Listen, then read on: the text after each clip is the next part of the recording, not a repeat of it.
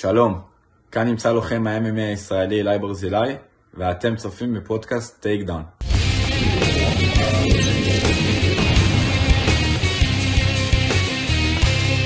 ברוכים הבאים לטייק דאון, פודקאסט ה-MMA הרשמי של Fighting IL. מה זה Fighting IL? אתם בטח שואלים את עצמכם.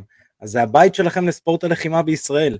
אני ארכדי סצ'קובסקי ואיתי נמצא כמו תמיד הפטיש היחיד שבמקום לדפוק מסמר עושה לו armbar למרות שאין לו יד. הפטיש העברי עידו זה? פר- כן. הפטיש העברי עידו פריאנטה, מה שלומך עידו? נהדר, מה איתך?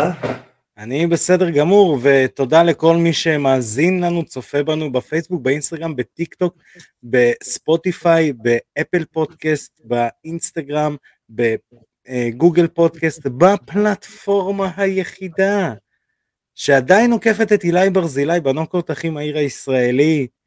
פודקאסט פודקאסט? תודה רבה עידו, ולא סתם הזכרתי את אילי ברזילי, אתם עוד מעט תשמעו למה.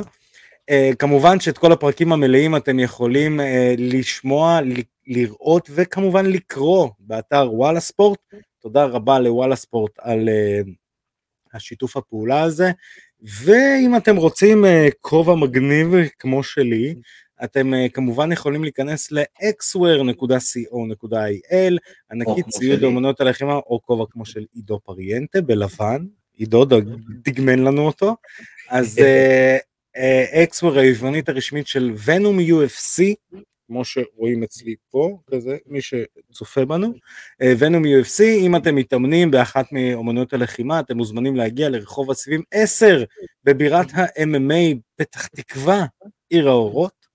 אה, בירת ה-MMA הישראלי, תקווה, וכמובן אה, להיכנס לאתר xware.co.il, מי שלא רואה את כל הקליקים והלינקים וכל הדברים הטובים האלה, xwear.co.il.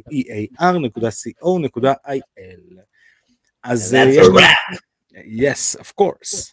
אז יש לנו um, תוכנית מגניבה היום, uh, ואנחנו נדבר על ה-UFC שהיה, אנחנו קצת נחכים ברמת השיפוט בגלל ה-UFC שהיה, uh, אנחנו uh, נדבר על UFC שיהיה, יש לנו איזה תופין, אנחנו נדבר על נבחרת הנוער שיוצאת לאליפות עולם, תקן אותי? כן. נכון. אליפות עולם, אה, בקרוב, ולפני הכל, אילי ברזילי מנצח אחרי 22 שניות, עוד לא פתחנו את הבירה מה שנקרא, עוד לא פתחנו את הבירה. עוד לא, עוד, לא- עוד לא הספקנו לשמוח וכבר הקרב הבא. אה, אז אה, מנצח באירוע אייקון של חורכה מסוידל, אה, אז without further ado, אני מעביר את השידור אלינו. אז הנה, באמצעות עריכה מדהימה, כמובן של עידו, כמו שהבטחנו, סתם, שלי, עידו היה עושה עריכה בצייר של מייקרוסופט. אה, נו, עידו היה עושה עריכה עם עם פטיש באזמל, על מה אתה מדבר? בדיוק. אה, אז אה, אנחנו עם אה, הלוחם המקצועני, כי הוא עשה את הקרב המקצועני הראשון. אה, הבכורה. והבכורה, וניצח אותה אחרי 22 שניות, לא הספקתי למזוג את הבירה, והוא כבר ניצח, אילי ברזילי, מה שלומך? הרחק מהרהב. שלומי מעולה. בוא'נה, אחי, אנחנו צריכים לשנות לו את הכינוי. אולי לא הספקתי לפתוח את הבירה ברזילה. כן, האמת שזה נשמע טוב. ואפשר גם אה, לוותר על הבירה, לא הספקתי לפתוח את הברזילי. כן. אז אה, קודם כל אה, צריך לברך את אילי, ואז- חוץ... כי- אז זה צריך, כן. אתה יודע, זה גם תופס לגבי לא לא הספקתי לפתוח את הצ'יפס, לא הפסקתי לפתוח את הקולה.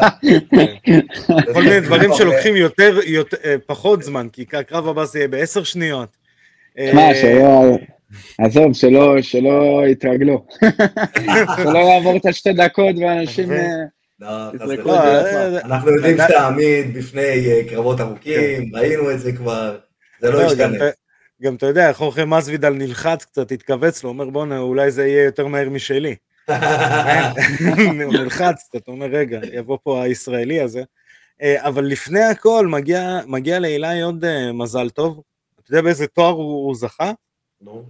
יקיר התוכנית, פעם אה, שנייה. זה רק פעם יכול שנייה? לא. כן, פעם שנייה. מה זה, הייתי בטוח שהוא כבר היה פה איזה פעמיים שלוש. זה בגלל שאנחנו כל הזמן מזכירים אותו, זה, זה לא קשור. אה, אוקיי, טוב, בסדר. אבל זה פעם שנייה שהילה אצלנו, וכל מי שמתארח יותר מפעם אחת מקבל את יקיר התוכנית. אתה בחברה טובה. יאללה. אחד, אחד הבכירים זה טוב. יואל רזבוזוב. אפילו צ'אל סונן כן. לא הכיר התוכנית, הוא התארח פעם אחת.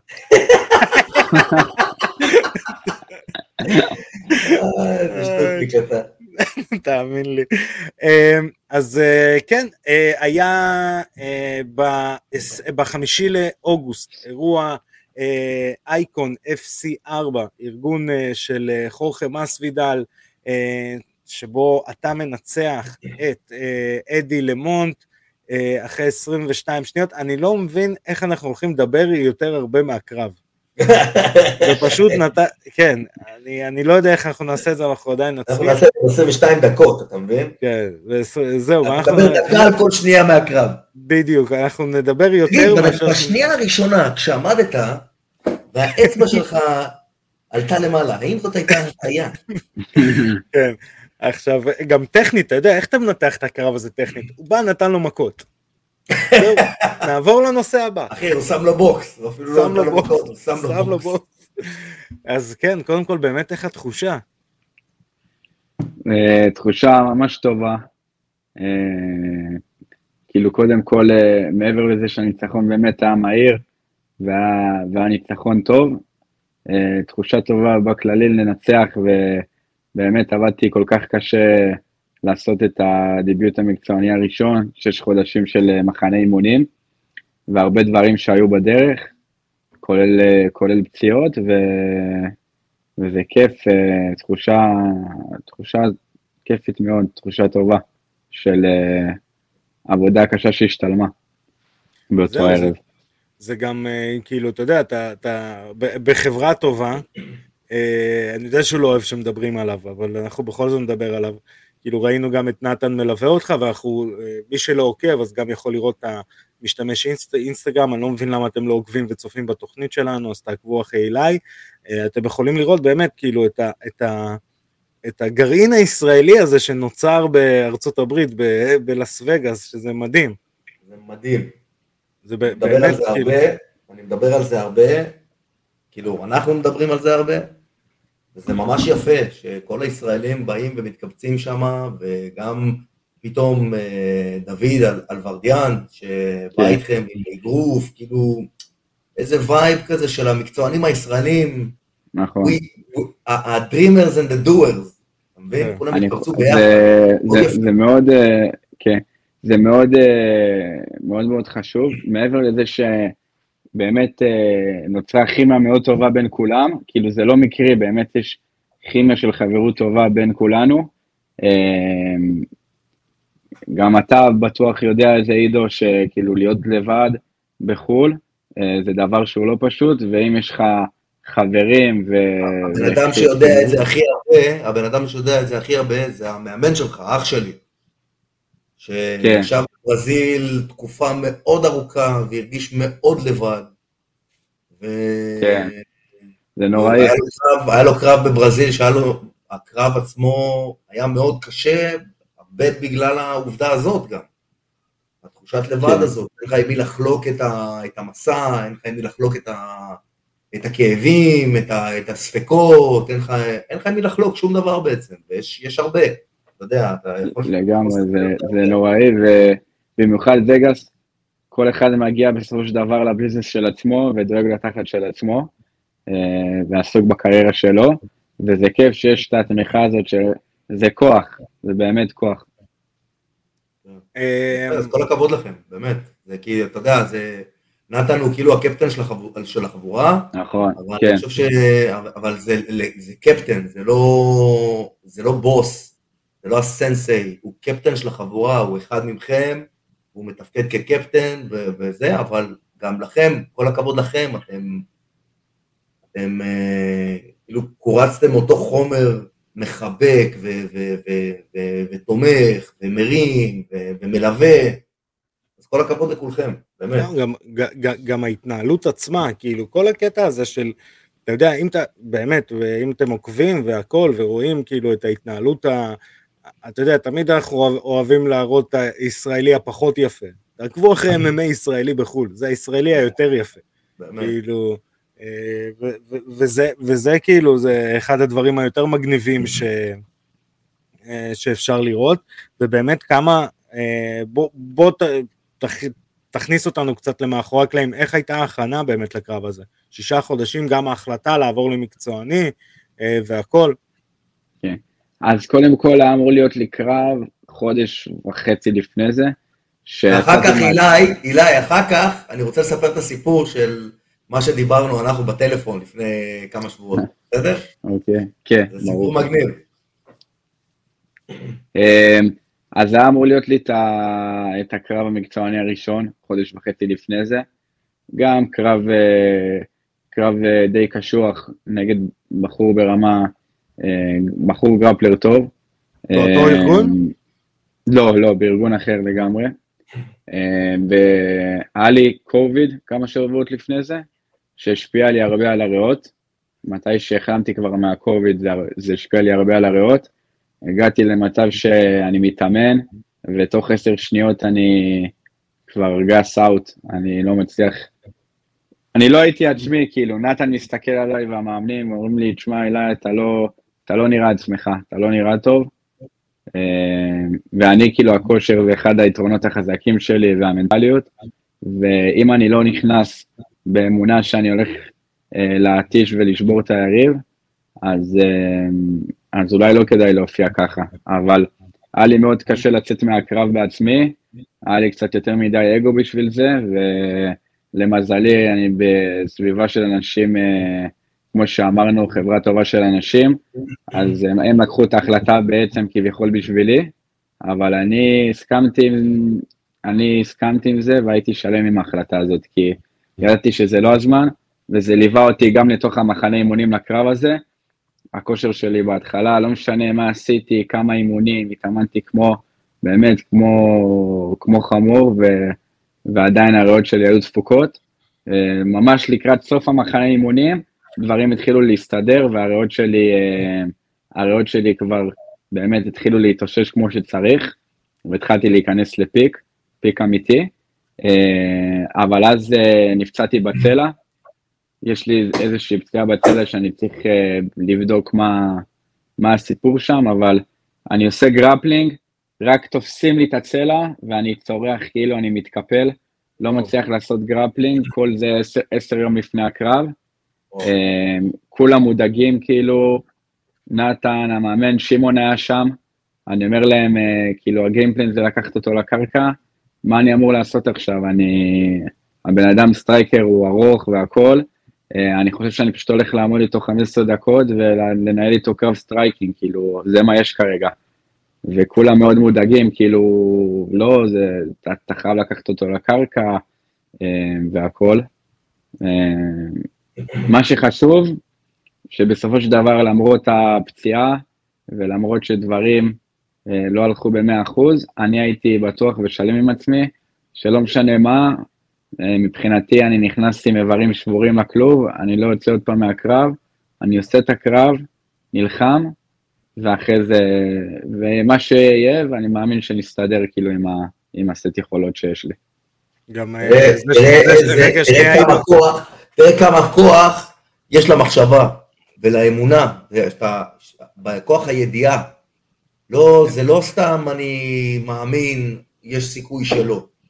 אילי, ותמיד, מאז שאני מכיר אותו, מאז שהוא היה ילד צעיר שהיה מתחרה בהתחלה רק בג'ו-ג'יצו, הוא היה נכנס תמיד, תמיד לקרבות עם ידיעה, לא משנה מה יהיה פה, אני שם את הלב שלי פה ואני יוצא מנצח. אם אני לא מנצח, זה לא יודע למה.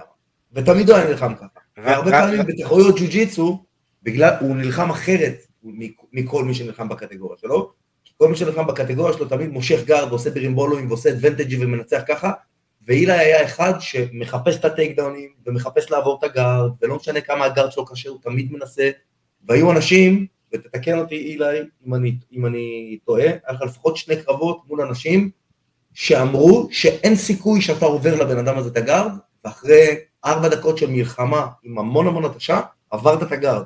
אני זוכר שתי קרבות כאלה.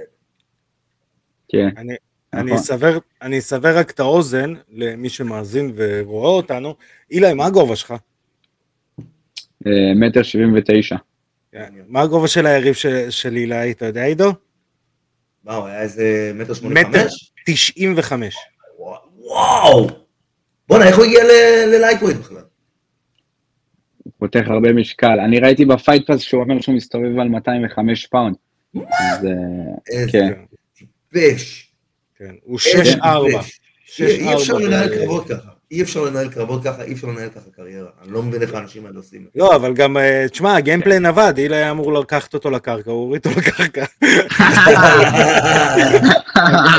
באגרוף. באגרוף, אבל אה, תשמע, הוריד אותו לקרקע, אנחנו במבחן התוצאה. עכשיו תגיד, כן. מה- מה- מהמקום שאתה, כי אנחנו, אני ראיתי את הקרב הזה כמה פעמים, וראיתי גם בכל מיני זוויות, וניסינו להתעקש, ולא הבנו אם האגרוף פגע בסנטר, או שהוא פגע בכתף. לא, בסנטר. הוא פגע בסנטר, זה היה הוא פגע knockdown? בסנטר.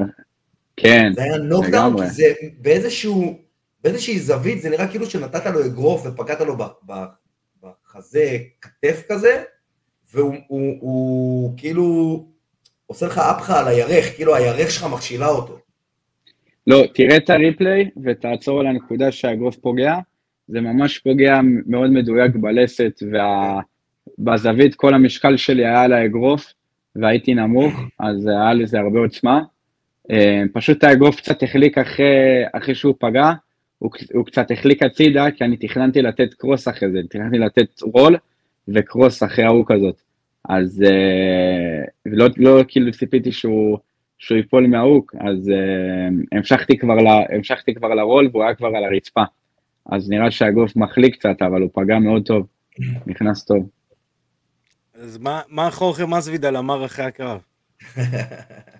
אה, תשמע, הוא ממש, זה היה מצחיק, כאילו, אני בא אליו, כולי מתרגש, אה, רוצה לשמוע מה, מה הוא חושב, מה הוא אומר.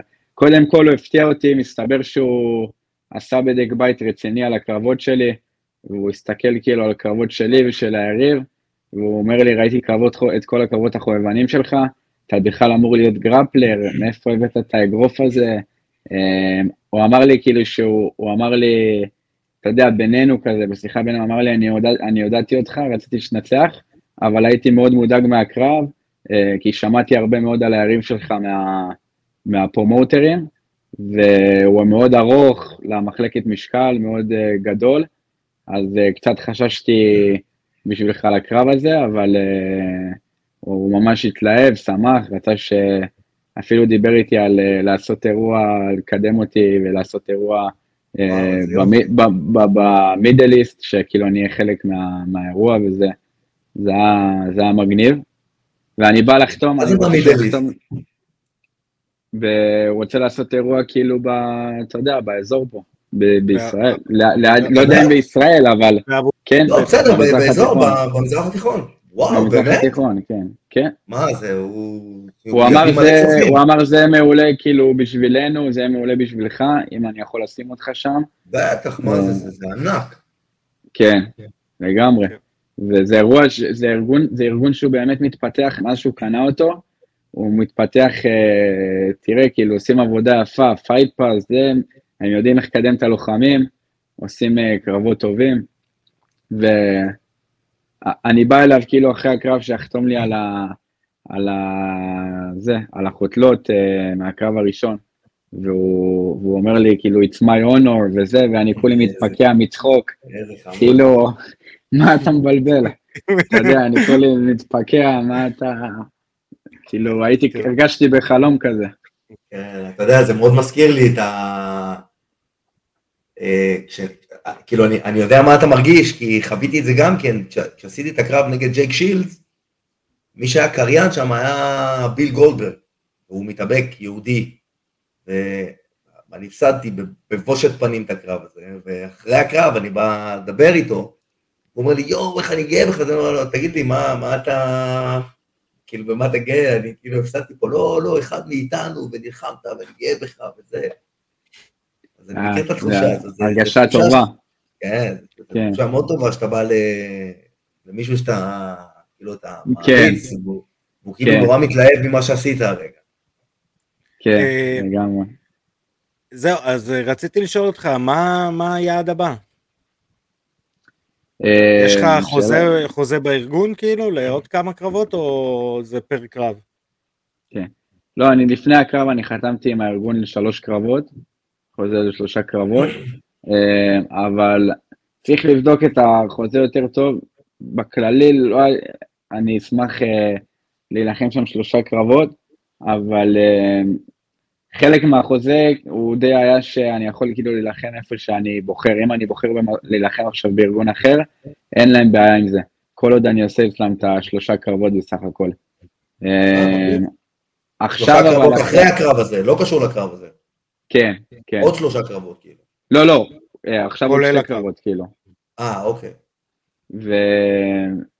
ועכשיו אבל אחרי, אחרי כאילו, אחרי הפרפורמנס וזה, אני לא, צריך לבדוק את זה, כאילו, אני לא מאמין שהם יעשו לי בעיות, אבל מן הסתם, שהם עכשיו יותר רוצים לפתח אותי, והם ראו שהבאתי להם, אה, הם, לא, הם אמרו לי שהם לא ציפו שאני אביא להם כזה הרבה חשיפה בפייט פאס וב, ובכללי, אז אני חושב שהם היו מרוצים מה, מהכל, והם ירצו לשמור אותי ולקדם אותי, אז הם ייזהרו עליי, וכנראה לא ירצו שיקחו אותי עכשיו uh, איזה ארגון וזה, אבל, uh, אבל יכול להיות גם שכאילו, נראה, יכול להיות שהם יהיו בסדר ולא יהיה להם בעיה עם זה.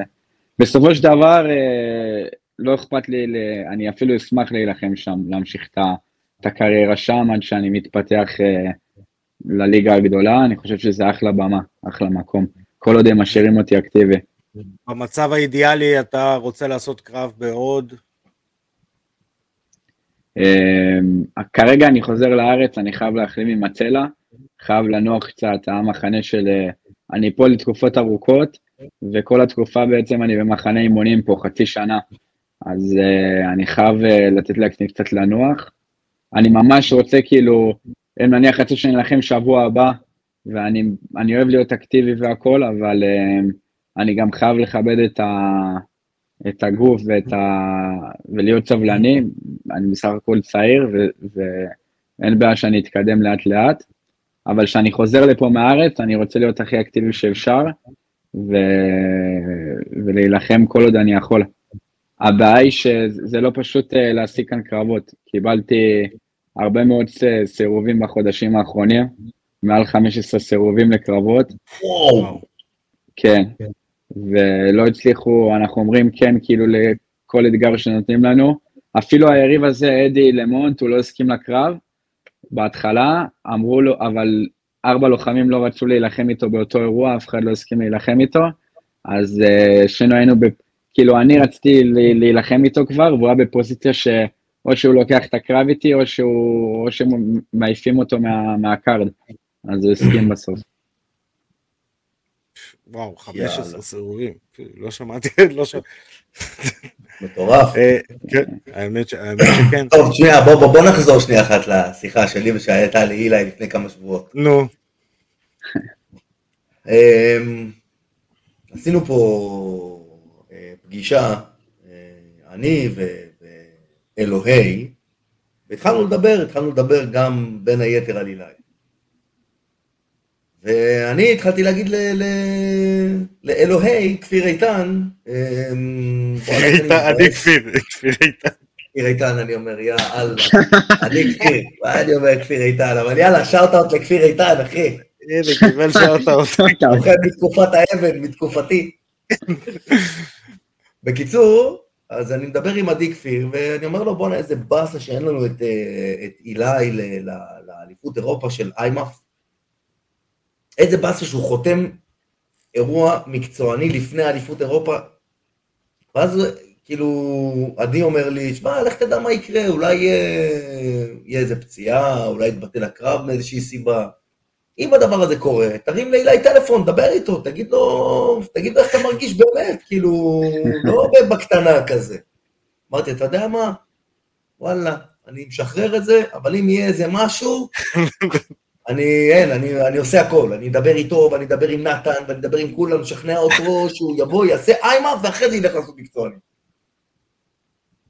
מאוד רציתי, אחי, מאוד מאוד מאוד מאוד מאוד רציתי. אמ, ואז אני מתקשר, ואז פתאום יש, יש פציעה, יש זה, הקרב התבטל. אני ישר מתקשר לכפיר, לעדי, אני אומר לו, בואנה אחי, בוא נתבטא לקרב, הוא אומר לי, יאללה, נו, דבר. אז הרמתי טלפון לאילי, כאילו, שלחתי לו הודעה, אחי, אני רוצה לדבר איתך. אחי, אחייני, אחייני, אני רוצה לדבר איתך. אחיינך.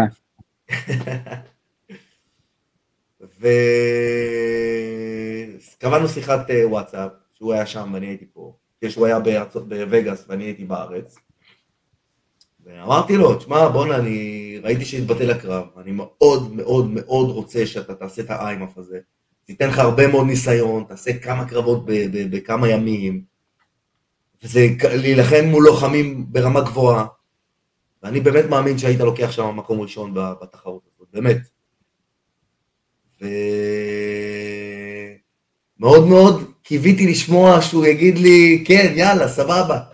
אבל אילי לא היה בראש הזה, כאילו, כבר, אתה יודע, כבר הראש לא היה במקצועני. כן. אמרתי לו שאני אדבר עם נתן, ולא לא השתכנעתי, כאילו, אילי נתן לי את הטיעונים שלו ולא, ולא השתכנעתי. כאילו, אמרתי, לא, אני חייב להמשיך לנסות לשכנע אותו. ואחרי זה דיברתי עם נתן, ונתן הסביר לי את מה שהוא חושב מאיך שהוא חי את וגאס ואיך שהוא חי את הסצנה הזאת שם. ולמרות שבתוך תוכי אני לא מסכים עם נתן, אני מבין שנתן כנראה מבין יותר ממני, כי הוא חי שם והוא חי את הסצנה ממש ממש מבפנים. אז אמרתי, טוב, זה, אם נתן חושב ככה, אז, אז כנראה שהוא צודק. וביחד עם זה, מאוד שמחתי לראות את הקרב ואת התוצאה, ואתה יודע, אני מאוד מאוד שמח לראות שאתה fucking עף. אני חושב שיש לך quality שחסר להרבה מאוד לוחמים, וזה ה... להיות star. ואני באמת, אני מאמין בך, ואני חושב שכולם צריכים פה עכשיו אה, להיות אה, זה, להיות עוקבים. כן. ההייפ הוא אמיתי. כן. אה? באמת. אמ, חשוב, גם שכחתי לציין רגע, כן. גם לפני הקרב היה כאילו עוד דבר שהוא די משמעותי, אה, אני עזבתי את הסינדיקט. וואלה, איפה אתה עכשיו? כן, שזה גם. כרגע, אה, כרגע אני די אה, ציפור חופשייה, אבל אני, ה Xtreme Couture זה המכון שאני מתאמן בו בווגאס. רגע, למה, למה החלטת לעזוב את סינדיקט? היה כמה דברים כאילו מבחינה מקצועית שלא הייתי מרוצה בכלל. ואני חושב שברמה, גם ברמה המקצועית, אני הרגשתי אה, כבר פחות, אה, פחות אתגר. אמ, לא, לא, לא שאין שם לוחמים מעולים, פשוט אה, הלוחמים הכן מעולים שיש שם, וכן שהיה לנו עבודה מעולה.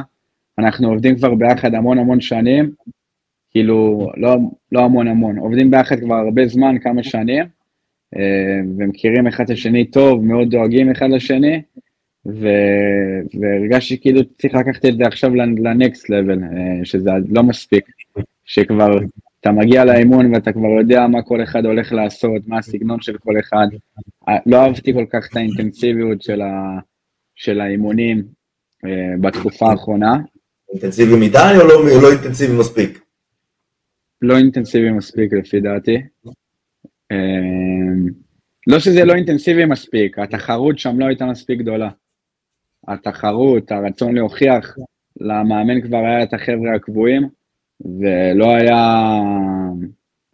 אמ, לא היה גיוון, כאילו זה נשמע ככה. כן. כאילו... כן, כאילו לא, לא היה פוקוס על קבוצה מסוימת. בן אדם מגיע למכון לשבוע, ואם יש לו שם גדול הוא כוכב גדול, אז uh, אתה יודע, יעבדו איתו וישקיעו בו והכל. Uh, ואני פחות, uh, גם פחות, פחות אהבתי את זה. אבל באמת, המכון אחלה, כאילו, היה... אין לי, הייתי במכון כמה שנים ואין לי יותר מדי דברים להגיד, באמת, אחלה מכון, קידם אותי מאוד, אבל, ואני עדיין חולה על הפרטנרים שם וחברים מאוד טובים, אבל uh, הרגשתי שאני חייב, uh, כדי להגיע לטופ העולמי, אני צריך עוד קצת, אני צריך קצת יותר מזה וקצת יותר אתגר. אה, והאקסטרים, אה, אני, אני כרגע מאוד אוהב, אה, מאוד אוהב את מה שאני רואה פה.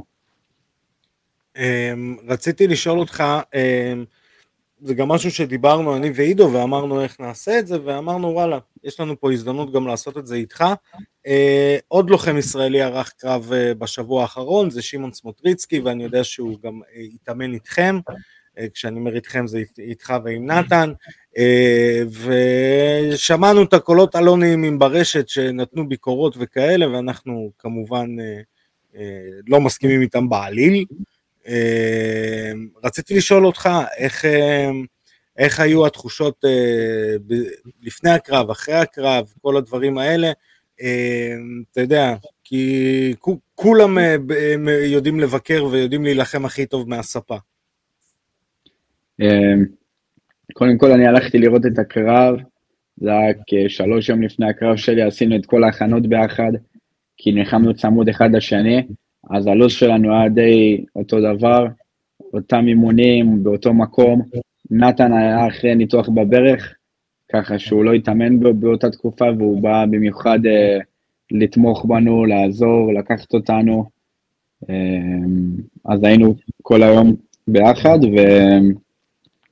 שמעון היה בכושר שיא, היה נראה טוב, אה, כרגיל, אבל אה, בקרב עצמו אין מה לעשות, זה, זה מעמד לא פשוט שדיינה ווייט שנייה לפני הקרב בא ומדבר איתך ואומר לך על כמה שהוא התאכזב אה, בשבוע הקודם של הקרבות וכמה שאתם חייבים להיכנס ולרצוח אחד את השני, אז אה, שאתה שאתה נותן נוקדאון כזה, ואתה רואה את עצמך כבר כאילו ממש כמה שניות מחוזה UFC, אז זה, זה תחושות שקשה לשלוט בהן.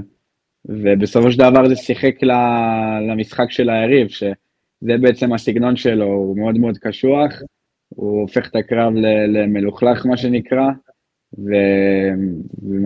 והוא, אתה יודע, ככה, הוא לא לוחם, שמעון לוחם יותר טוב ממנו, יותר מוכשר ממנו, אבל ה- הקרב ובכלל הפורמט של התוכנית היה יותר אה, לטובת, אה, לטובת היריב שלו.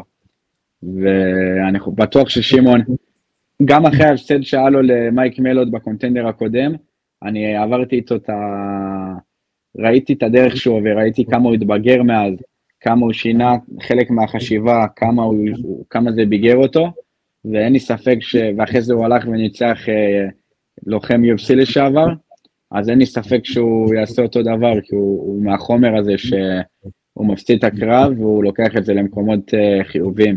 עם כמה שזה עצוב, הוא מתבגר, מתאמן, חוזר לעבוד, לקרוא את התחת, ואין אין סיבה שהוא לא יגיע ל-UFC. באמת, כאילו, אני רואה את התגובות, אנשים לגמרי יצאו מפרופורציות. בן אדם בן 21, עם רקורד של 8-2, 8-2, יש לו ניצחון, כאילו, לא תגיד עכשיו באיזה לוז טריק זה, יש לו ניצחון בקרב הקודם על אה, לוחם UFC לשעבר, וואלה זה עצוב, כאילו, זה לא, זה לא כיף להפסיד פעמיים בקונטנדר, אבל uh, אין סיבה שהוא לא ייכנס ל-UFC, הוא ינצח כמה, הוא יצטרך לנצח כמה קרבות, והוא יהיה בליסט שלהם, והעיניים, אם הם הביאו אותו עוד פעם אחת לקונטנדר אחרי שהוא הפסיד, כנראה שהם כבר אוהבים אותו. כנראה שהם אוהבים אותו ורואים שיש לו מה להציע. כן, הם ייתנו לו להתבגר טיפה. ייתנו לו להתבגר טיפה, טיפה, טיפה בחוץ, אולי ידחפו אותו, או גם יעזרו לו להגיע לאיזשהו ארגון שיש עליו קצת עיניים, שיתרגל לאור זרקורים קצת גדול, כי בסך הכל, אור הזרקורים הוא... זה דבר מאוד קשה להתמודד איתו. וכשזה UFC, וכשאתה... שזה שייך ל-UFC, זה נגיעה מה-UFC, זה כולם מסתכלים עליך, כולם... מס... הבוס מסתכל עליך, מה זה כולם מסתכלים עליך? לא, אני מדבר, בוס מס- קודם כל, בהתחלה כולם בארץ, כולם בארץ כן. מסתכלים עליך, ואומרים, טוב, הנה, כולם מדברים עליו, שהוא זה הבא שיהיה, הוא זה שיעשה את השוק ב Contender Series, שאף אחד לא הצליח לעשות. Contender Series מקביל, נגיד, ל Ultimate Fighter, שאני הייתי והפסדתי, ולב היה והפסיד, ואחרי זה Contender Series, נתן היה וניצח, וכאילו מתחיל כאילו גל כזה, אז אנשים מרשים לעצמם להגיד, אבל הם לא מבינים מה זה. בואנה, זה... הם לא מבינים, לא מבינים. תק- אה, חושבים שכל הקרבות שהוא עשה. קודם, בואנה, היה לו קרבות מטורפים. כן. קשים. ואתה רואה שהבן אדם לוחם איכותי.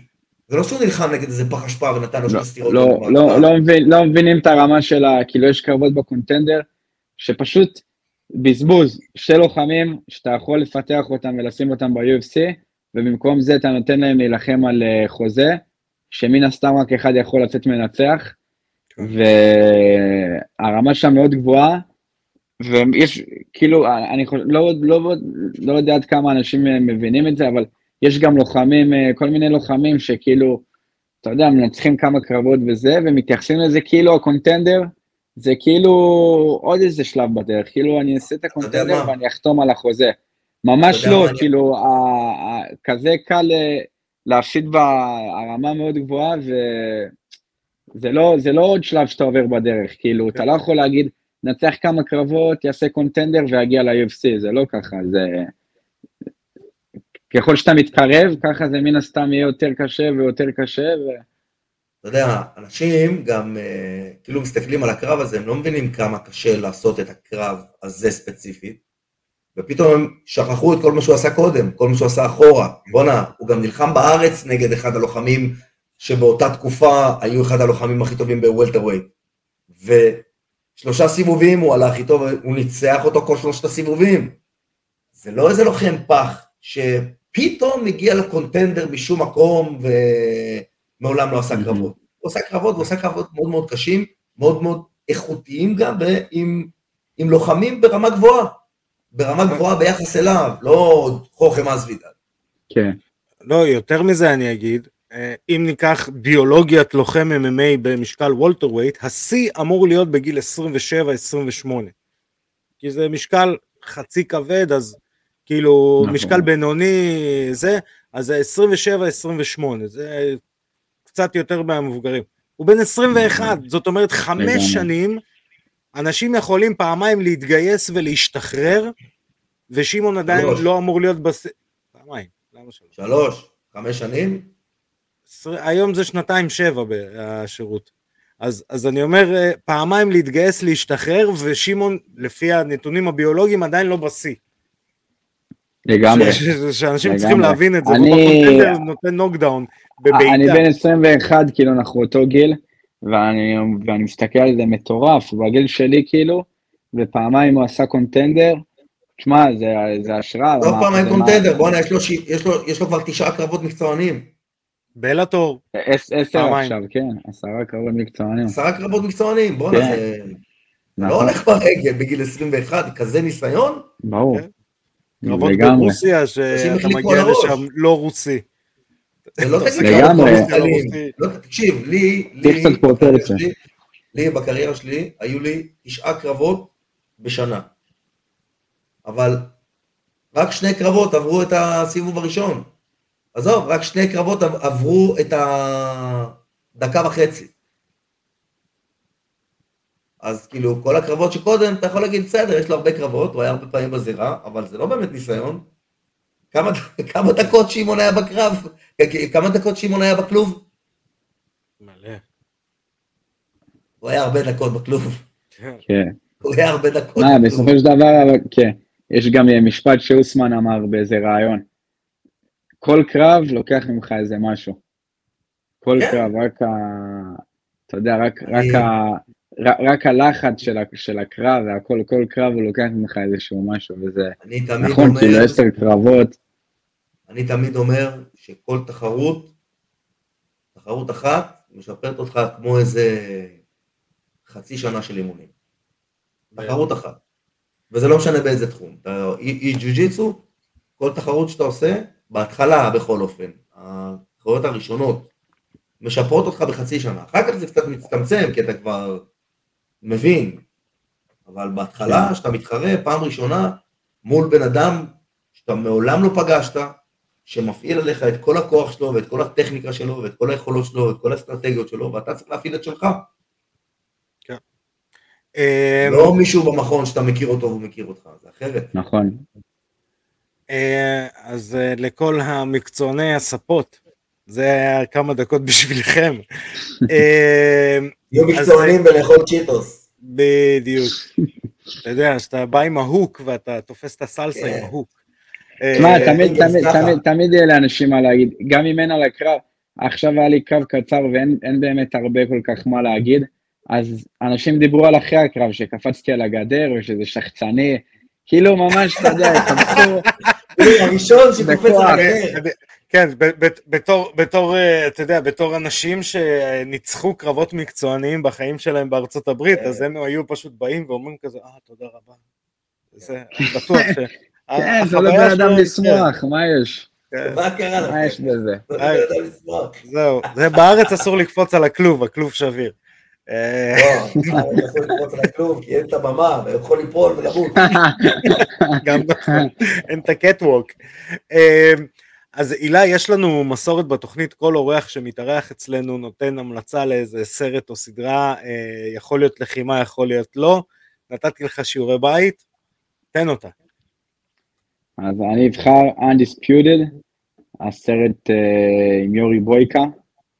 ראיתי, אה, אה, כן, ראיתי, אה, ראיתי את הסדרת סרטים שלו וממש, ממש אה, אהבתי לצפות בזה. אני אוהב את הסרט הזה. אוהב את ה- אוהב את הקטע עם. היריבות עם האמריקאי. זה מה שהכניס אותך לעניינים? כן, זה Undisputed 2, אתה יודע מה היה הראשון עידו? Undisputed הראשון? מה? Undisputed, אה, אני אגיד מתי בויקה נכנס, ב-Undisputed 2 בויקה נכנס, הוא הרע שם, בשלוש וארבע הוא כבר הטוב. כן. כן, זה אני יודע. נכון. הראשון, אתה יודע מי נכון. היה? מי? וסלי ה- סנייפ- וסלי סנייפס ווין גריימס, חביבי. מי מי זה וין גריינד? אה, זה לא היה שחקן אפרו-אמריקאי, אתה מכיר אותו, ענק. סוס כזה גם, כן, גם כן. קראטיסט. סוץ, כן. לא, לא, לא, זה מייקל ג'יי ווייט. בראשון הם רק מתאגרפים, אה, שני מתאגרפים. אה, הם אוקיי. כאילו, אה. נכון, נכון, נכון, נכון. ה Iceman, כאילו קראו לו נכון, ככה, נכנס לשם. בשני את, את אותה דמות משחק מייקל ג'יי ווייט.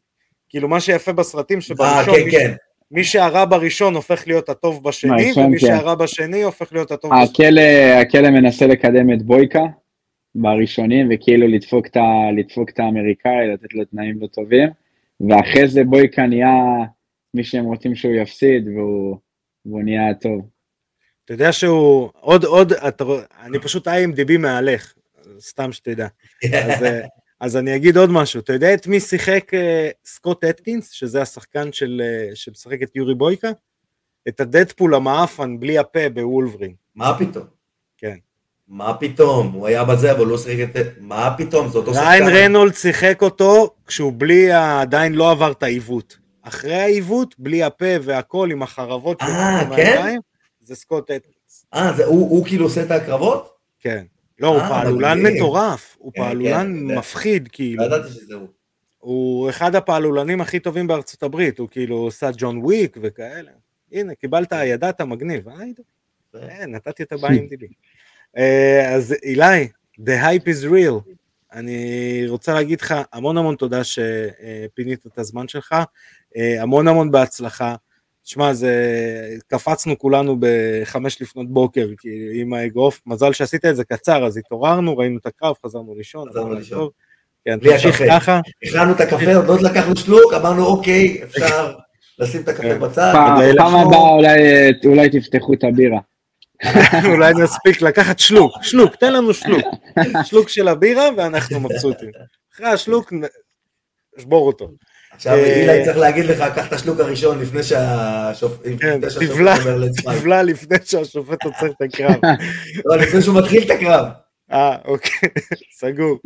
אז אה, שוב, אה, באמת באמת תודה, ואני אחזיר את השידור אלינו.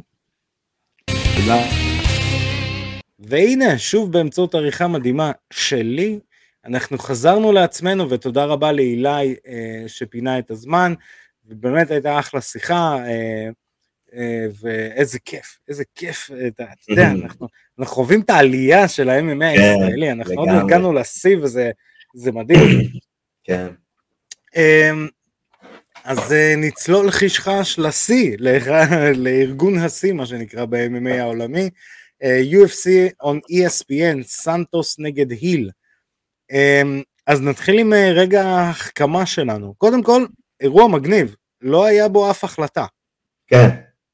אה, שזה כבר, אה, כבר מטורף, ואני רוצה לדבר על קרב שהיה בין מיירה בואנו סילבה נגד סטפני איגר, אה, שמה שקרה בקרב, בעצם מיירה תופסת בפינה, בפינה, בזווית על הגדר את סטפני בארמבר, ו... פינה, אנשים חשבו שזה הפינה של האגרוף. כן, זהו, אז אתה, אתה מבין, זה כאילו הזווית שבין הרצפה לגדר, אה, היא תופסת אותה בארמבר, ארמבר צמוד, לא, לא שטוח, ובעצם אה, אה, סטפני דופקת, אבל לא רואים, לא רואים את הטאפ, אה, מיירה משחררת. גם לא רואים את הפנים שלה. כן, לא רואים את הפנים שלה, באף זווית צילום לא היה צלם, אז אי אפשר היה לראות ריפליי. מיירה משחררת ואומרת she tapped, אה, השופט מאמין לה ועוצר את הקרב, אה, ואז אנחנו אחרי זה נדבר על זה, השופט בעצם פונה לסטפני, אומר לה you tapped, בסימן שאלה, והיא שותקת, מסתכלים על ריפלייז, לא רואים את הזווית, ואחד השופטי צד מסתבר שראה שהיא דפקה ואומר לו she tapped. ברמה מקצועית אז אני אגיד, ברגע ששופט החליט לעצור את הקרב, הקרב נגמר. Yeah. כן. אה, ואם עצרת את הקרב, אל תשאל אותה אם היא דווקא. עצרת את הקרב, כאילו אתה לא כן. צריך להגיד you tapped. לדעתך נכון. היא tapped? אז היא tapped. זה לא נראה טוב, לא ב-UFC. נכון. זה הדבר הראשון שעבר לי בראש. קיבל על זה ביקורות? ראית ביקורות על זה? אה, לא, ראיתי ביקורות על היריבה, uh, אתה יודע, הרב דין מתחיל עם הדרדור שלו, אז הוא צילם קמיו, אתה יודע מה זה קמיו? זה כשמבקשים מכל מיני מפורסמים בכסף לרשום ברכות, אז okay. הוא אוקיי. בדיוק צילם בקטע של הארמבר, הוא צילם קמיו, הוא תפס לא. את הארמבר במצלמה של הפלאפון, כן. עד כדי כך הרב דין בדרדור, בדכדוך. אז כן, הוא לא קיבל על זה יותר מדי ביקורת, היא כן, סטפני כן. Uh, מצד אחד, אני עכשיו אשים שני כובעים. בכובע, אתה יודע, של האוהד, אז כן, לא התנהגות ספורטיבית, אה, כי היא כאילו שתקה כשהוא שאל אותה you tapped, אז היא לא דיברה, כאילו, היא נשארה אה, לעמוד. מצד שני, מה אכפת לי אם היא טפט או לא? אני עצרתי את הקרב, כאילו אכפת לי, אבל אם אני עצרתי את הקרב, אתה יודע, כן, לכי להתלונן. צריך לשאול את זה הרבה אחר כך. כן, ממש אחר כך, כאילו... מה, זה היה נראה גם כשהיה שלך קצת אה, לא בסדר. כן, אבל עדיין הזווית הייתה... הייתה... תשמע, יכול להיות שעכשיו יכניסו מצלמות מכל הצדדים של הזה, שזה גם יכול להיות מגניב, וזה יכול להיות משהו אה, אה, שיביא איזשהו, אתה יודע, תקדים כזה ל, לאיך, לאיך מצלמים. אה, ברמה הזה, תשמע, אני חושב, שוב, זה קרב מקצועני, קרב של ה-UFC גם, אז אתה יודע, הכי, כאילו, אני אגיד את זה הכי וולגרי, אני מצטער שזה נשמע ככה. קוסומו, אז אה, אתה יודע, נשברה היד, כאילו, זה קורה. פרנק מיר, אה, נוגיירה, ראו כן. ערך. אה, מי שפעם שבר כנף של תרנגולת, זה בערך מה שהיה שם. אה, זה מצד אחד עידו אתה בסדר? שברת כנף של תרנגולת.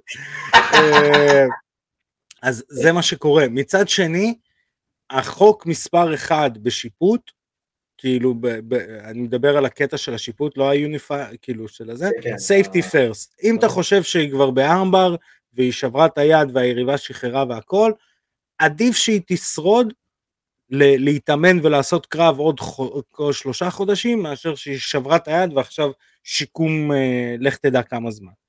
אה, אנחנו עברנו את התקופה של ה meatheads, נשארנו רק פרשנים meatheads. כן. אה, אז זה היה my take on it. What do you think, עידו פריאנטה? אתה יודע שהיה פעם קרב בברזיל בשנת 2004, קרב ג'ו-ג'יצו, בין רונלדו ז'קרה רונלדו ז'קרה מה-UFC, ורוג'ר גרייסי. היו יריבים, יש להם, את אחת היריבויות הכי גדולות שאי פעם היו בעולם הג'ו-ג'יטו. זה ז'קרה סוזה, נכון? אני לא... כן, כן, כן, ז'קרה סוזה. מי ישראלי שנלחם נגד ז'קרה, אתה יודע? חיים גוזלי. הופה, שאלות לחיים. ובקרב הזה, זה היה הקרב הראשון שלהם אי פעם בחגורות שחורות. הם נלחמו כבר בחגורות חומות, זה פעם ראשונה בחגורות חומות, בחגורות שחורות, וזה היה גמר. אני ואח שלי רועי היינו שם. ראינו את הקרב הזה בלייב, כשלא יד, לא היו אינטרנט ואף אחד לא ידע את הסיפורים על הלוחמים, כלום. פשוט נשאבנו לתוך הסיפור תוך כדי התחרות, הבנו את הסיפור, שזה זה שרוצים שיעלה נגד זה בסוף, הבנו את זה, וזה קרה. ואנחנו חווינו את זה בלייב, וז'קרה, רוג'ר גרייסי תפס את ז'קרה בארמבר בדקה השביעית. הוא היה מופסד בניקוד 4-0. הוא תפס אותו בארמבר מושלם, ז'קרה שבר את היד ושלף את היד, ולא נכנע. היד שלו שמוטה למטה. הוא מנהל אחרי זה שתיים וחצי דקות קרב עם יד שמוטה ולא נותן לרוג'ר גרייסי להגיע אליו. הוא ניצח את הקרב. ז'קרה. 4-0 עם יד שבורה. זה, זה קרב עם סיפור מטורף. כן. ואני, עוד שראיתי את הקרב אז, יש לי את אותה דעה. השופט היה צריך שם לעצור את הקרב, היד שבורה. השאלה היא, אני לא, אני, שוב, אני מכיר את השיפוט ב-MMA, אה, אני מכיר את, השאלה אם בג'יוג'יצו זה אותו דבר.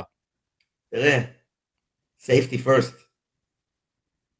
אני, אני, אני לא מכיר את האמנות, אני לא מכיר את האמנות. safety first זה, ב- זה בכל השיפוט של כל ענפי הקרב. safety first. אם השופט חושב שנשקפת לאחד הלוחמים סכנה, he has the authority, יש לו את הסמכות לעצור את הקרב. ולהגיד, זהו, זה מסוכן לך, מפה אתה לא ממשיך. לא אכפת לי אם אתה יכול לנצח אותו עם יד שבורה, זה בכלל לא מעניין אותי. כן. אני מעניין אותי מה יקרה ליד שלך אחר כך. כן. צריך לעצור את זה. ואני חושב עד היום שהיה צריך לעצור את זה, אבל עם כל זה שלא עצרו את זה, תקשיב, זה הפך את זה לסיפור רוקי. לא, אני, אני חייב להגיד משהו, אני לא אנקוב בשמות. אה, אחד האירועים אה, ששפטתי, שפטתי קרב, ובקרב אחד הלוחמים הלך לישון. דיברנו על זה. אחד האנשי פינה שלו אמר לו, לפחות לא, לא דפקת. לקחתי את האיש פינה הזה אחרי זה לצד ואמרתי לו, זה אחת העצות הכי גרועות שאתה יכול לתת ללוחם שלך, רק שתדע, תעשה עם זה מה שאתה רוצה. זאת אחת העצות הכי גרועות שאתה יכול, כי אם זה היה טורניר ולא יודע, הוא היה צריך להתחרות על מקום שלישי, הוא התעלה, הוא כאילו הלך לישון, יש סיכוי שהפרמדיק או הרופא או מי לא. שאחראי, הרופא לא לא, מעביר אותו. לא, אין סיכוי. זה כן. חוק בלחימה. זה חוק בג'ודו, זה חוק בג'ו-ג'יצו. אם התעלפת בזמן הטורניר, אם מישהו חנק אותך והתעלפת, אתה לא ממשיך לבית הניחומים. כן. אין קרב. אין לך קרב זה- על ה... אז, אז זה, גם במקצועני, כל עוד זה לא קרב על חגורה ועל 2-3 מיליון דולר לא, מה?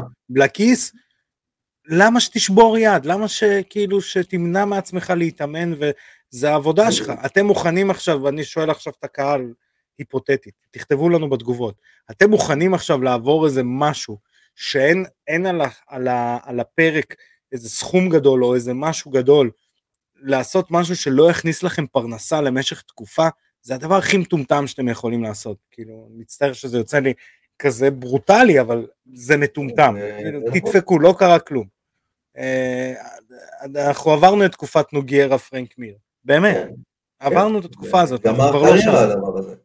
כן?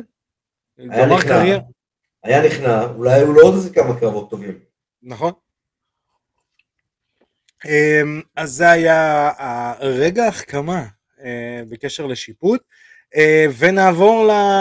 אתה יודע, אז אה, תיאגו סנטוס ניצח, ג'וליאנה מילר זוכת, ה... תיאגו סנטוס הפסיד, לא, הפסיד ש- בנוקדאוט, בנוקאוט. בנו- ב-TKO. TKO, TKO. כן. אני לא הבנתי על מה אתה מדבר, סטטוס. לא, לא, התבלבלתי. אה, פשוט, אתה יודע, זה- אנחנו ידענו... ראיתי- קרבות אחרים? איזה אירוע כן. ראיתי? לא, איזה אירוע שלחו לי? ידענו שזה יקרה, אז אני לא רוצה להתעכב עליו יותר מדי. כן. אה, ג'וליאנה מילר, אני- רק אגיד, הוא לוחם גרוע. כן. הוא לא יודע אה, לעמוד, הוא לא יודע לעמוד, הוא מחליף עמידות, זה לא נראה כאילו הוא מחליף עמידות בקטע מקצועי. הוא נותן מכות, גם- הוא מאבד שיווי גם משקל, כתם קקע בתחתון. לקח לו את הנשמה. אני באמת חושב ככה. גם הוא נכון. פשוט הבין כמה, אתה יודע, כמה עוד חסר לך כדי להיות הכי טוב בעולם, ואז אין לך, אין לך, אתה יודע, לא כולם דונלד סרוני, שמוכנים להילחם בשביל להילחם, או נייט נכון. דיאז, או ניק דיאז, הם רוצים להיות אלופים, וכשאתה מגיע ואתה נלחם נגד אלוף ואתה מבין שאתה לא ברמה, אז אתה יודע, אין לך כבר את ה desire הזה.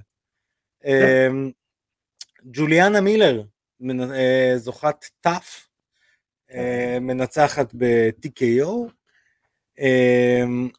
ומה... יודע, קצת הקשבתי ל... קצת הקשבתי ל... מה שדיברו על הלוחמות שם וזה, וזה כאילו היה נראה סיפור, גם סיפור רוקי, שהיא בכלל הייתה אנדרדוג מטורף בקרב הזה. כן. פתאום מגיעה איזה מישהי, אתה יודע, שהגוף שלה נראה כמו איזה אלה יווניה כזאת. על הגוף, חבל על הזמן, הייתה נראית אתלטית, אמרתי, זאת נותנת לה... זאת מכדררת אותה בעמידה. ואומרים עליה גם שהיא חגורה שחורה בג'ו-ג'יצו. אמרתי, בואנה, היא תגיע איתה לקרקע, היא גם תהרוג אותה שם. ועוד ההיא אמרה בשידור בהתחלה שהיא יותר טובה ממנה בהכל, אבל היא מאמינה שתנצח אותה. כן. ואז פתאום ההיא הורגת אותה, קודם כל היא לא חגורה שחורה בג'ו-ג'יצו לדעתי. לא, היא חגורה על איך שחורה. היא מגיבה, אמרו שם שהיא חגורה שחורה. כן. לא, אבל אתה יודע, זה חגורה, איך צ'ל סונן אומר? חגורה שחורה מביצת הפתעה של קינדר. בדיוק. לא היה נראה כמו מישהי שיודעת להגיב ממש טוב בסיטואציות. כן. אה, לא, היא בעיקרון היא striker ית, כאילו היא... קודם כל לא. מגיעה, ממדינה של strikers, היא מגיעה מגואם. אה, מי שלא יודע, גואם, אתה זוכר באיזה סרט אה, גואם? איזה? אה, גואם זה ב...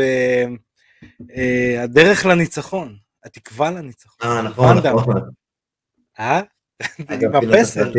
עם הפסל הזהב. אה. אה, כן. אה, אז אה, אז אה, נעבור אל ה... אתה יודע, לתופין של ה- של האירוע הזה. מה זה הדבר הזה? איזה תפלץ, אה? תקשיב, הגולדן סניץ' של אוסאדה, אתה יודע, מפעיל את כל הכישורים שם.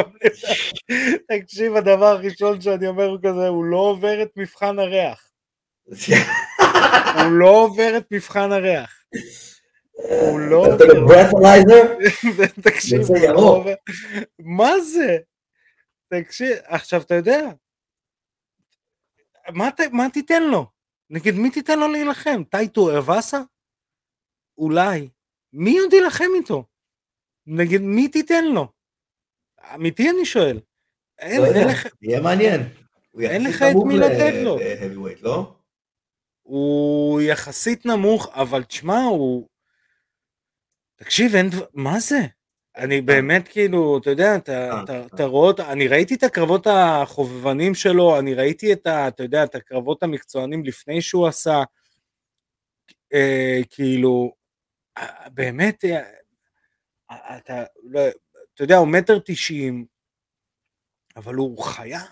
מה, כאילו, כן. תחשוב שהוא גם 120 קילו. אני גם חושב שהוא חותך. לא, ל-120. אני- אני חושב שהם אמרו, הם אמרו שהוא היה לייט heavyweight, והיה לו קשה כבר לחתוך, אז הוא... הוא אמר fuck it. ל-heavyweight, כן. לא, זה יכול להיות שהוא חתך ל light heavyweight, אבל לדעתי הוא חותך גם weight. לא, לא נראה לי. אני לא יודע, אני, אני, אני מאמין שהוא חותך. אני, מא- הוא ברוק לסנרי כזה. הוא יותר ברוק קטן לסנר- לא יודע. אה, ברוק לסנר, ומה קרה לך? בואנה, ברוק לסנר יש לו גב ככה. אתה, אתה רוצה לשמוע קטע על ברוק לסנר? פינת התופין. אה, ברוק לסנר, אחד המאמנים שלו סיפר שבזמן אה, אימונים הם נתנו לו, נותנים לו לשתות בזמן האימון gainer ים, חלבונים וגלונים של מים. הם אומרים, ברוק, איך שהוא מתאמן, הוא יורד במשקל, ואנחנו לא רוצים שהוא ירד במשקל. ברוק לסנר חותך ל-120. ברוק לסנר במחנה אימונים אוכל junk food. שתבין איזה חיה הבן אדם הזה. כדי. לשמור על הדבר הזה, הוא צריך, והם אומרים, הוא מתאמן כמו middleweight, כי ברוק לסנר באמת, אפשר להגיד עליו הכל, הוא לא אוהב לקבל מכות לפנים, הוא לא באמת לוחם כזה גדול, אבל הוא אתלט הוא מפחיד. nature. הוא, הוא, הוא עשה...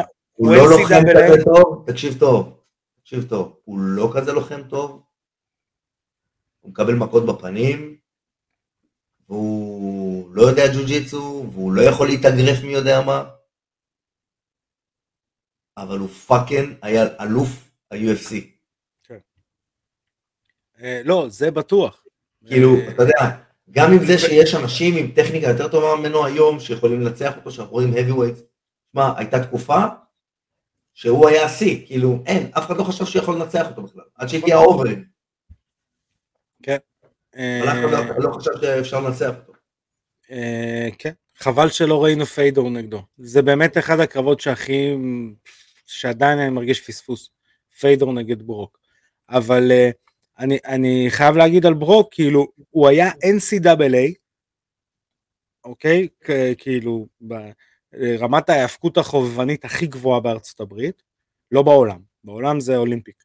אה, NCAA, הוא היה NCAA בפוטבול, והמדדים שלו, הרי מה שעושים בארצות הברית, הם מורידים הכל למדע, ברמה כן, של. באמת, של, של מספרים. המדדים שלו של ריצות 100 מטר, של ספרינטים, של דחיקות, של קפיצה, אנשים במשקלים קלים לא עושים את המספרים האלה.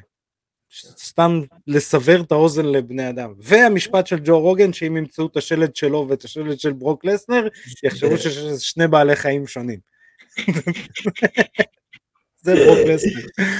אחי, אמ, לא יודע מה יש לו שם מתחת לגוף, הוא כזה אה, כן, או מה יש לרוקח שלו. הייתי אז בקרב עם אה, ג'ייק שילדס, והוא היה אמור לעשות קרב נגד הונגמן צ'וי. הוא הורג אותו. צ'וי הוא בן אדם מגודל, גדול כזה, אתה יודע, זה נראה כמו איזה ג'יינט כזה. ברוק לסנר לא נראה כמו ג'יינט. ברוק לסנר נראה כמו אחד מאיתנו, אבל הכי גדול שיכול להיות. ברוק לסנר גם לא כזה גבוה. לא, הוא לא, איזה- ההוא ג'יינט, אתה רואה, הראש כן. שלו מעוות, אתה יודע, הוא גדול כזה, מגושם, הידיים גדולות, הכל, הכל כזה ענק. כן. והוא לא אה, עבר בדיקות בסאדה. בגלל זה הקרב הזה לא קרה. אה, כן, אה, לא, אם אני לא טועה, אה, ברוק לא כזה גבוה, הוא מטר שמונים ומשהו, הוא לא, הוא לא, אה, מטר תשעים, כאילו הוא לא, שוב אני אומר לא כזה גבוה, הוא לא כזה גבוה להאבי-ווייט, האבי-ווייט מסתובבים לקראת שתי מטר, הוא מטר תשעים בלחץ. אה, אז זה סתם תופעה, אז בגלל זה אני אומר, אני לא, אני לא, אני לא יודע מי תיתן למוחמד אוסמן.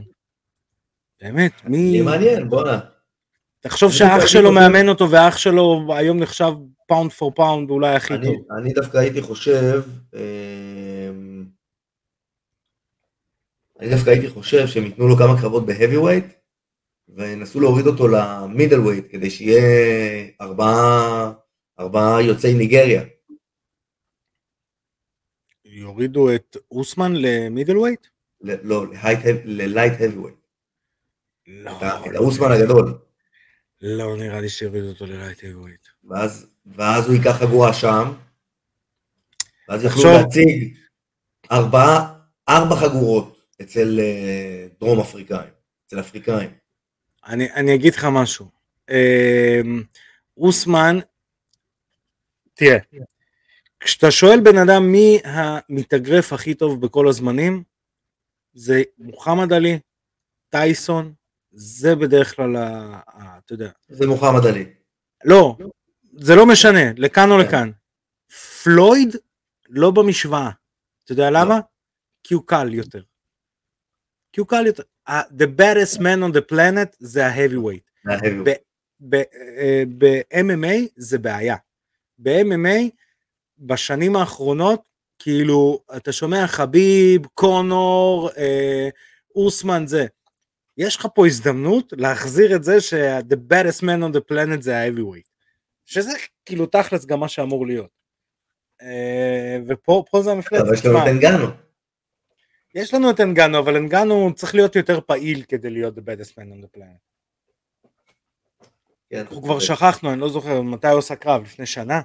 נכון. אה, אז זה, ה-. אבל סתם, מעניין, מעניין מה יעשו איתו, כי תשמע, הוא מפלצת. מה זה הדבר הזה? מטורף. אמ, נעבור לאירוע UFC שבא אלינו לטובה ב-13 לאוגוסט. אמ, בקרב המרכזי מרלון ורה נגד דומיניק קרוז. אמ, שמע, דומיניק קרוז, אתה יודע, אתה לא, לא, לא, לא חשבת שתראה אותו. כבר. כן, אני אה, הייתי בטוח שהוא זה, שהוא סיים. כן, הוא עשה קרב. כן, הוא... תשמע, שתי הקרבות הוא מנצח בהחלטות. את פדרו מוניוס, קייסי קנדי ב-2021. אמ, אני לא יודע, זה, אתה יודע, אני, אני לא יודע מה יש לו עוד למכור מבחינת אה, אליפות או דברים כאלה. אה, מצד שני הוא מקבל גם יריב שגם כבר אה, בא, ב- מה שנקרא בא בימים, למרות שהוא אה, רק בן, אה, בן אה, 30. סליחה. אמ, אז יש לנו ככה, נתחיל עם היריב אה, מרלון ורה, אה, שלושה הקרבות האחרונים שלו, אה, בעצם מנצח את דייווי גרנט, פרנקי אדגר ורוב פונט, לפני זה מפסיד לג'וזה אלדו ב-2020, ואתה יודע, בוא, בוא נהמר קצת, עידו פריאנטה. אני מהמר על ורה. אני מהמר על קרוז. אני לא, לא חושב שלקרוז יש את זה, לא, לא חושב שיש לו את זה כבר. הקרבות האחרונים שלו כבר לא זכורים לי, אתה מבין? הקרבות הקודמים היו מאוד זכורים, התנועה, כן. היצירתיות שלו בתוך ה... זה, זה כבר, כבר לא היה זכור. אני לא חושב שכבר אה, יש לו את זה. אני אוהב אותו יותר מדי כדי... לעשות את זה, אני לא חושב שיש לו. אני, דומיניק קרוז הוא בקטגוריה דונלד סרוני. אני אוהב אותו יותר מדי כדי להמר נגדו. אני מסכים איתך, אני מסכים איתך, אני חושב שוורה אה, ינצח אותו, אבל אני לא רוצה להמר נגדו. לא רוצה, לא... אוהב אותו יותר מדי. הוא גם, הוא גם מאוד uh, MMA סבי מה שנקרא, הוא חכם בטירוף, הוא אנליסט מדהים, כן. באמת, כאילו... לשמוע אותו מדבר על MMA זה כמו לשמוע פרופסור, אה, אתה יודע, את אלברט איינשטיין מסביר לך על אה, תיאוריית היחסות. זה, זה בערך הרמה של דומיניק קרוז מבחינת ידע. אמ, והוא עושה את זה בצורה כריזמטית. אה, נעבור לתופין לפני שניגע בנבחרת הנוער. תופין, מי חתם, בבר... מי חתם בברנקל? מצטרף ל... מצטרף לבואקאו. סבלימינל והצל. לא, פחות. אה, סנצ'אי. סנצ'אי. כבר הופתעת כשדיברנו לפני התוכנית, בסדר, תן לי להפתיע את הקהל כאילו שאני מופתע, נו מה. אנחנו מופתעים כל פעם מחדש. אה, סנצ'אי שבעצם כשישאלו, אתה יודע, כמו שאמרנו מוחמד עלי ו- וטייסון, מי, המ... כן. מי לוחם המויטאי הכי טוב בכל זה הזמנים. אז יגידו לך בואקאו ויגידו לך סנצ'אי, וזה כן. ביניהם. בואקה הוא לא נחשב, בואקה הוא טוב ב-K1, הוא לא היה טוב בתאילנדי, תאילנדי. כן, אבל סנצ'אי זה יודע, תאילנדי, תאילנדי, הקלינץ' והמרפקים, ו... כן. אה, קצת לסבר. את האוזן, מה כמה קרבות אתה חושב שסנצ'אי, אה, שהם ברקורד, אה, עשה? מעל, באזור ה-300. טוב מאוד, עידו פריאנטה. אה, ברקורד, נקרא לזה ככה, ברקורד שלו יש 360 קרבות. יותר ממה שחשבתי אפילו. כן. שדרך אגב, כל, כל הקרבות שלהם, כל הקרבות שלהם נספרים. זה מהקרב הראשון שהם עושים בגיל 12. או לא, לא, יודע, אני בטוח שכמה קרבות. נפלו שם אה, בדרך. לא, לא, לא, לא, והרקורד שה- זה תמיד שאתה. יודע ש- שבחור בישראל מסתכל באינטרנט. אתה יודע, זה, זה, ככה אני, אני מסתכל על זה. אה, מתוך ה-300, אה, כמה זה יוצא? 359 קרבות, אז הוא מנצח 313, מפסיד 41 וחמישה בתיקו. שאת הקרב ה... ניצח אותו 41 פעמים. כן.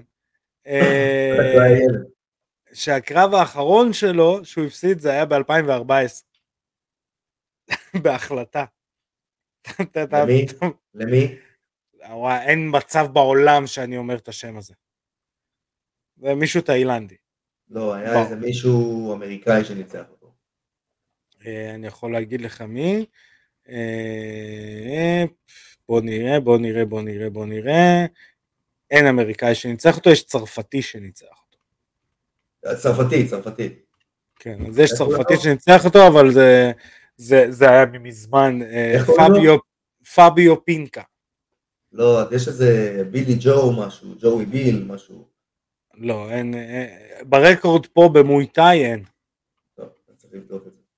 אה, לא, לא ניצח אותו. אני אבדוק אולי במקומות אחרים אם מישהו ניצח, אבל במויטאי לא ניצח אותו, ניצחו אותו רק תאילנדים.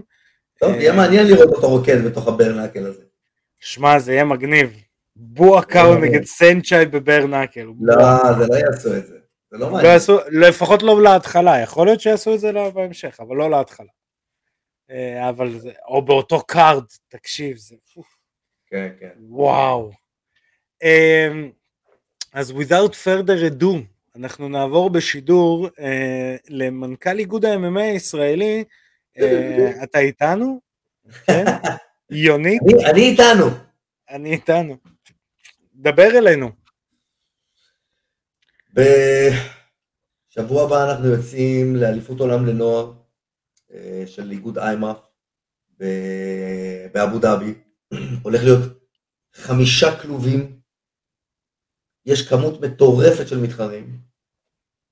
אמ, יש לנו נבחרת של 13 ספורטאים ממגוון מועדונים בארץ, מדני חזן ו- ו- ונתנאל פריזי ומשה קידר ושי כץ אה, ורועי פריאנטה ואצלי ומועדון ספיריט ו- ואצל דור שאולוב, ובאמת מהרבה מאוד מועדונים הורכבה הנבחרת הזאת.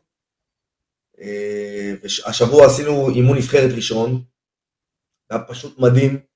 האנרגיה של כולם ביחד, הרצון הזה להצליח ו... ותחושה של ביחד, באמת. אנחנו לא מתאמנים באותם מועדונים, אבל אנחנו יוצאים למסע הזה ביחד. וזה מאוד כיף לראות, וזה זה חוויה, זה באמת חוויה. לצאת אה, פעם שנייה כבר לאליפות עולם של נוער, ובואנה, שמע, זה, זה באמת big deal. אה, אני מרגיש את זה בכל אופן, אני מאוד מאוד כן, זה מתרגש. זה זה גם- זה גם פוסט קורונה, בגלל זה יוצאת גם נבחרת כל כך גדולה. כן. כאילו שזה... פוסט זה- קורונה ומגבלות, ואנשים התאמנו, ויש סיכויים טובים, יש, יש לנו לוחמים טובים, יש לנו לוחמים ממש טובים, שיכולים לעשות שם דברים נפלאים. כן, אה, יאללה, להתחיל לקדם את המפה של לוחמי ה-MMA בישראל, כבר מגילאים צעירים. שמע, ילדים כבר, אנשים כבר ידעו שמות של לוחמי MMA בני 16-17. כן. אתה מבין? שמעון סמוטריצקי, אילי ברזילה, איזה צעירים הם, איזה מגניב. עוד מעט יתחילו להגיד את זה על, על טל דיין ועל אה, אה, אורי סרוסי, ו, ו, ו. יש- זה- זה- זה- זה- זה מטורף. תשמע, כמה לוחמים יוצאים? אתה אתה יודע את המספר? של- 13, 13 לוחמים, אה, שמונה, עוד שמונה אה, מאמנים, ומשלחת יפה, שמע, משלחת מאוד יפה. משלחת מטורפת.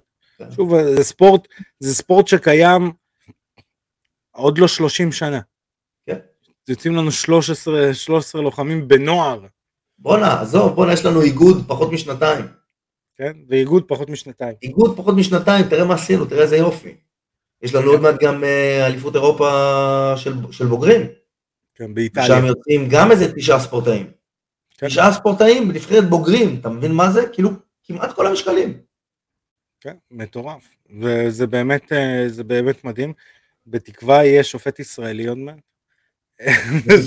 אני אתן לכם אה, ספוילר קטן, ולא דיברתי איתך על זה אפילו, אבל התקשר אליי סקוט ואמר לי, שמע, תהיה איתי בקשר ביומיים הקרובים, יכול להיות שאנחנו ניקח אחד מהשופטים הישראלים שיעשו עכשיו קורס.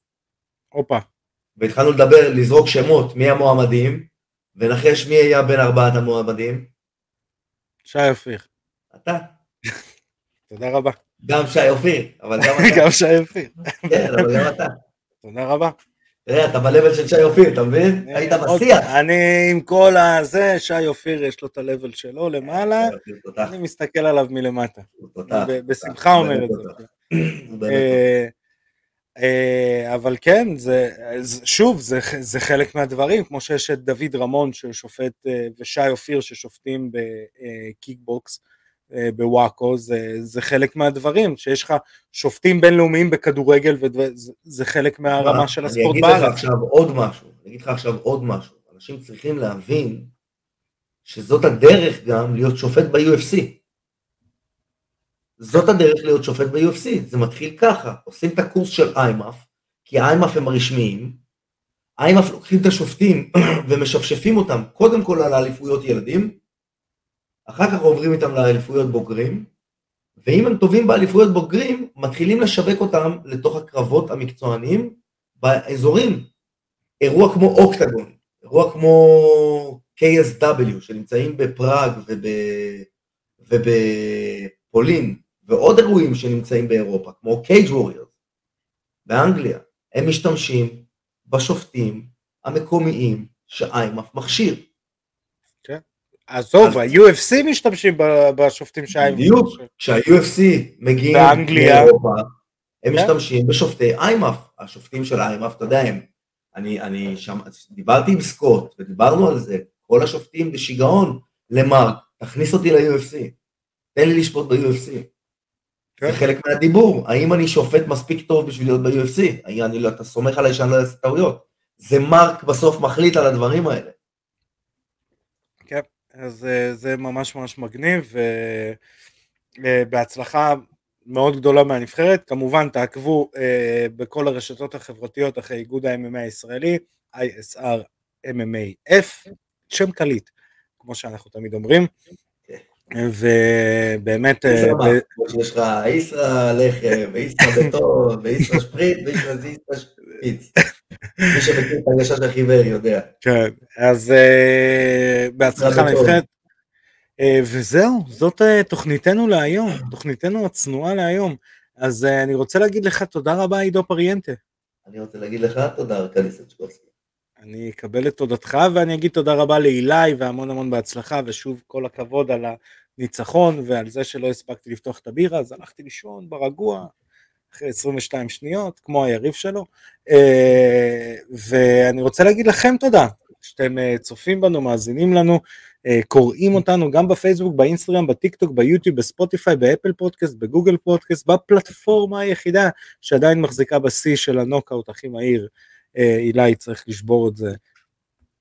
כן, עידו פריאנטה, אני מחכה ל-Q. פודקאסט, פודקאסט.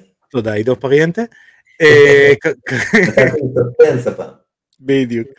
אה, כמובן שאת הפרקים המלאים אתם יכולים אה, לראות, לשמוע ולקרוא באתר וואלה ספורט. תודה רבה לוואלה על שיתוף הפעולה הזה. ושוב, אם אתם רוצים כובע כמו שלי, תיכנסו לאתר xwear.co.il, אם אתם לא רואים את כל הקליקים והדברים הטובים, xwear.co.il. אז חברים, זאת הייתה התוכנית שלנו. אה, שוב, שנמשיך לראות קרבות רק בזירה, תשמרו על עצמכם, אנחנו נתראה בתוכנית הבאה. אני הייתי ארכדי סצ'קובסקי, פקה.